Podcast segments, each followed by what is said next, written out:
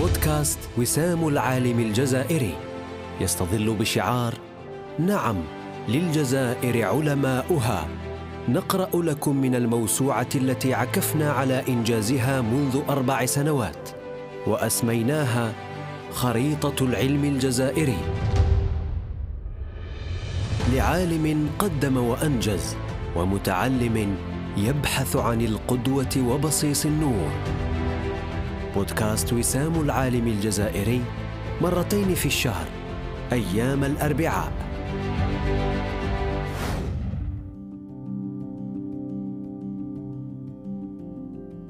العدد الواحد والثلاثون.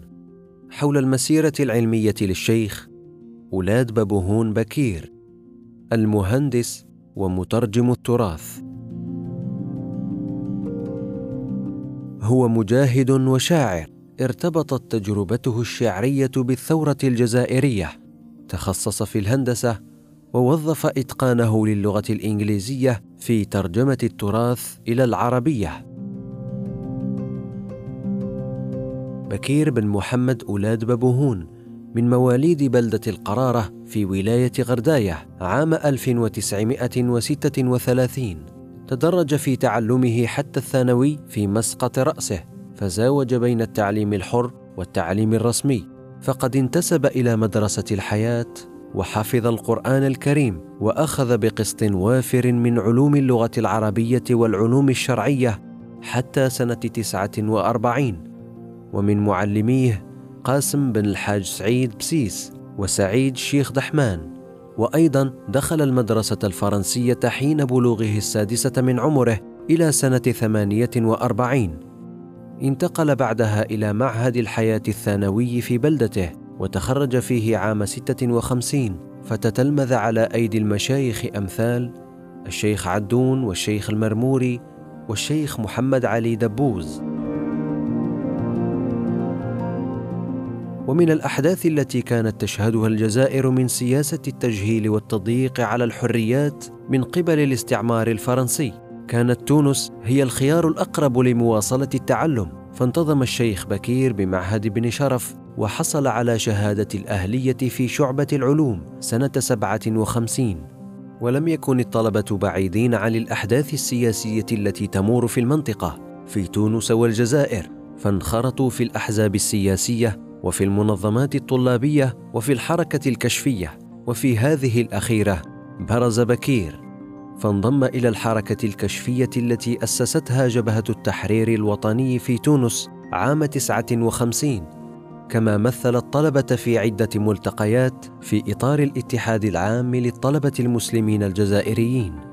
ولما دعي الطلبة الجزائريون في تونس باسم الاتحاد العام للطلبة المسلمين الجزائريين للتجنيد إلى مراكز التكوين العسكري والسياسي بالكاف وساقية سيدي يوسف وغيرهما في الحدود الجزائرية التونسية. كان الطالب بكير ممن لبى نداء الوطن وقضى فترته التدريبية وأبدى فيها كفاءة ومقدرة فعين بدوره مدربا في نفس المركز بالكاف فخرج افواجا من الجنود والضباط.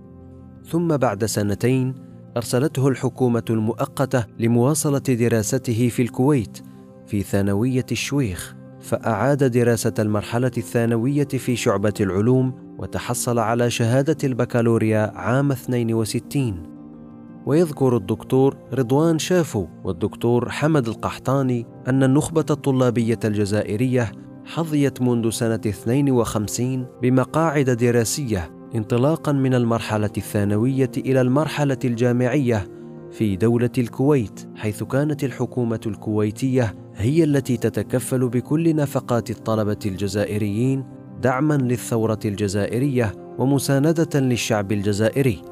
لهذا ازداد عدد الطلبة الجزائريين المتخرجين في هذه الدولة وبلغ عددهم سبعة وثلاثين طالبا متمدرسا في ثانوية شويخ عام ثمانية وخمسين. ومع الاعتراف بتحرر الجزائر من الاستعمار واحتراما لتضحيات أبنائها في سبيل ذلك فتحت أبواب العلاقات والتبادلات من دول العالم بغض النظر عن حقيقة هذه النية فتعددت الخيارات لدى الطلبة للدراسة ما بين التوجه شرقا إلى الاتحاد السوفيتي أو غربا إلى أوروبا أو أمريكا ونظرا لتميز الطالب بكير في مرحلة تعلمه الثانوي. فقد استطاع الالتحاق بجامعة جنوب كاليفورنيا في الولايات المتحدة الأمريكية وحصل على شهادة الليسانس في تخصص الفيزياء سنة 68 واسمه مدون في موقع الجامعة ضمن الطلبة المتخرجين المبحوث عنهم للتواصل. رحمه الله. وأسكنه الفردوس الأعلى. التحق بعدها مباشرة بشركة سوناتراك مهندسا في حقل الدراسات. منذ سنة 68 ثم أرسلته الشركة إلى مدينة دالاس في تكساس وحصل على دبلوم تخصص في الإعلام الآلي وتطبيقاته على الدراسات المكمنية المتعلقة بالهيدروكربونات وذلك عام 72 وفي سنة 78 قام بمهام تقنية بالولايات المتحدة وكندا في إطار العمل في حقل الدراسات. لم يمنعه تخصصه التقني وتكوينه باللغة الإنجليزية من الإبداع في اللغة العربية ولا يستغرب منه ذلك باعتباره خريج معهد الحياة ونواديه الأدبية وهو الكاتب في جريدة الشباب والمسؤول عنها في فترة من فتراتها. هذه الجريدة التي كانت مدرسة تكون فيها الكثير من الأعلام الذين برزوا في مجال التأليف بعد ذلك من أمثال علي يحيى معمر بلحاج شريفي صالح خباشة محمد الأخضر السائحي وغيرهم. وظهر تمكنه جليا من خلال قصائده الشعرية التي نشرها في الدوريات التونسية عندما كان طالبا في تونس ومن بينها الجزائر والذكرى الخالدة مجلة الفكر ديسمبر 57 والجزائر وعيد الفطر جريدة الصباح 20 أفريل 58 وله مقالات نشرت في صحف عصره وله أيضا ترجمة لمقالات بعض المستشرقين عن الإباضية من الإنجليزية إلى العربية.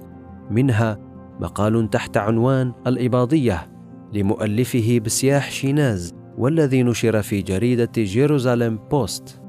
وبحث الحديث عن الإباضية لويلكونسون.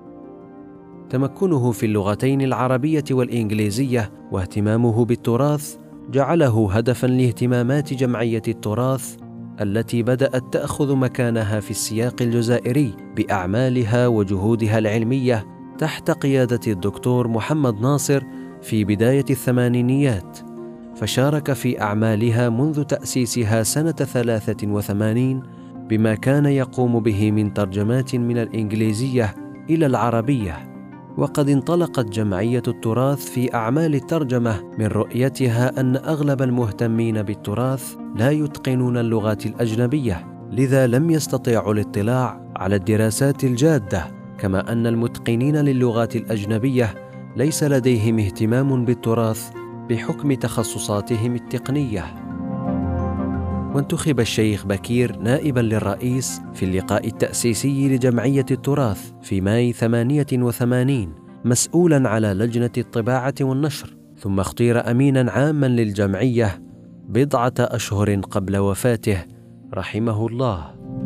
لقد بقي الشيخ بكير في شركة سوناتراك إلى غاية تقاعده في شهر سبتمبر سنة 71 ووقع عليه الإجماع في الانتخابات التشريعية لسنة 91 ممثلا لقائمة الأحرار في القرارة ففاز بالأغلبية الساحقة لكنه لم يمارس مهامه نائبا بالمجلس الشعبي الوطني بسبب إلغاء النتائج في تلك السنوات وما تبعها من أحداث كما يعلم كل مهتم بالشأن الوطني.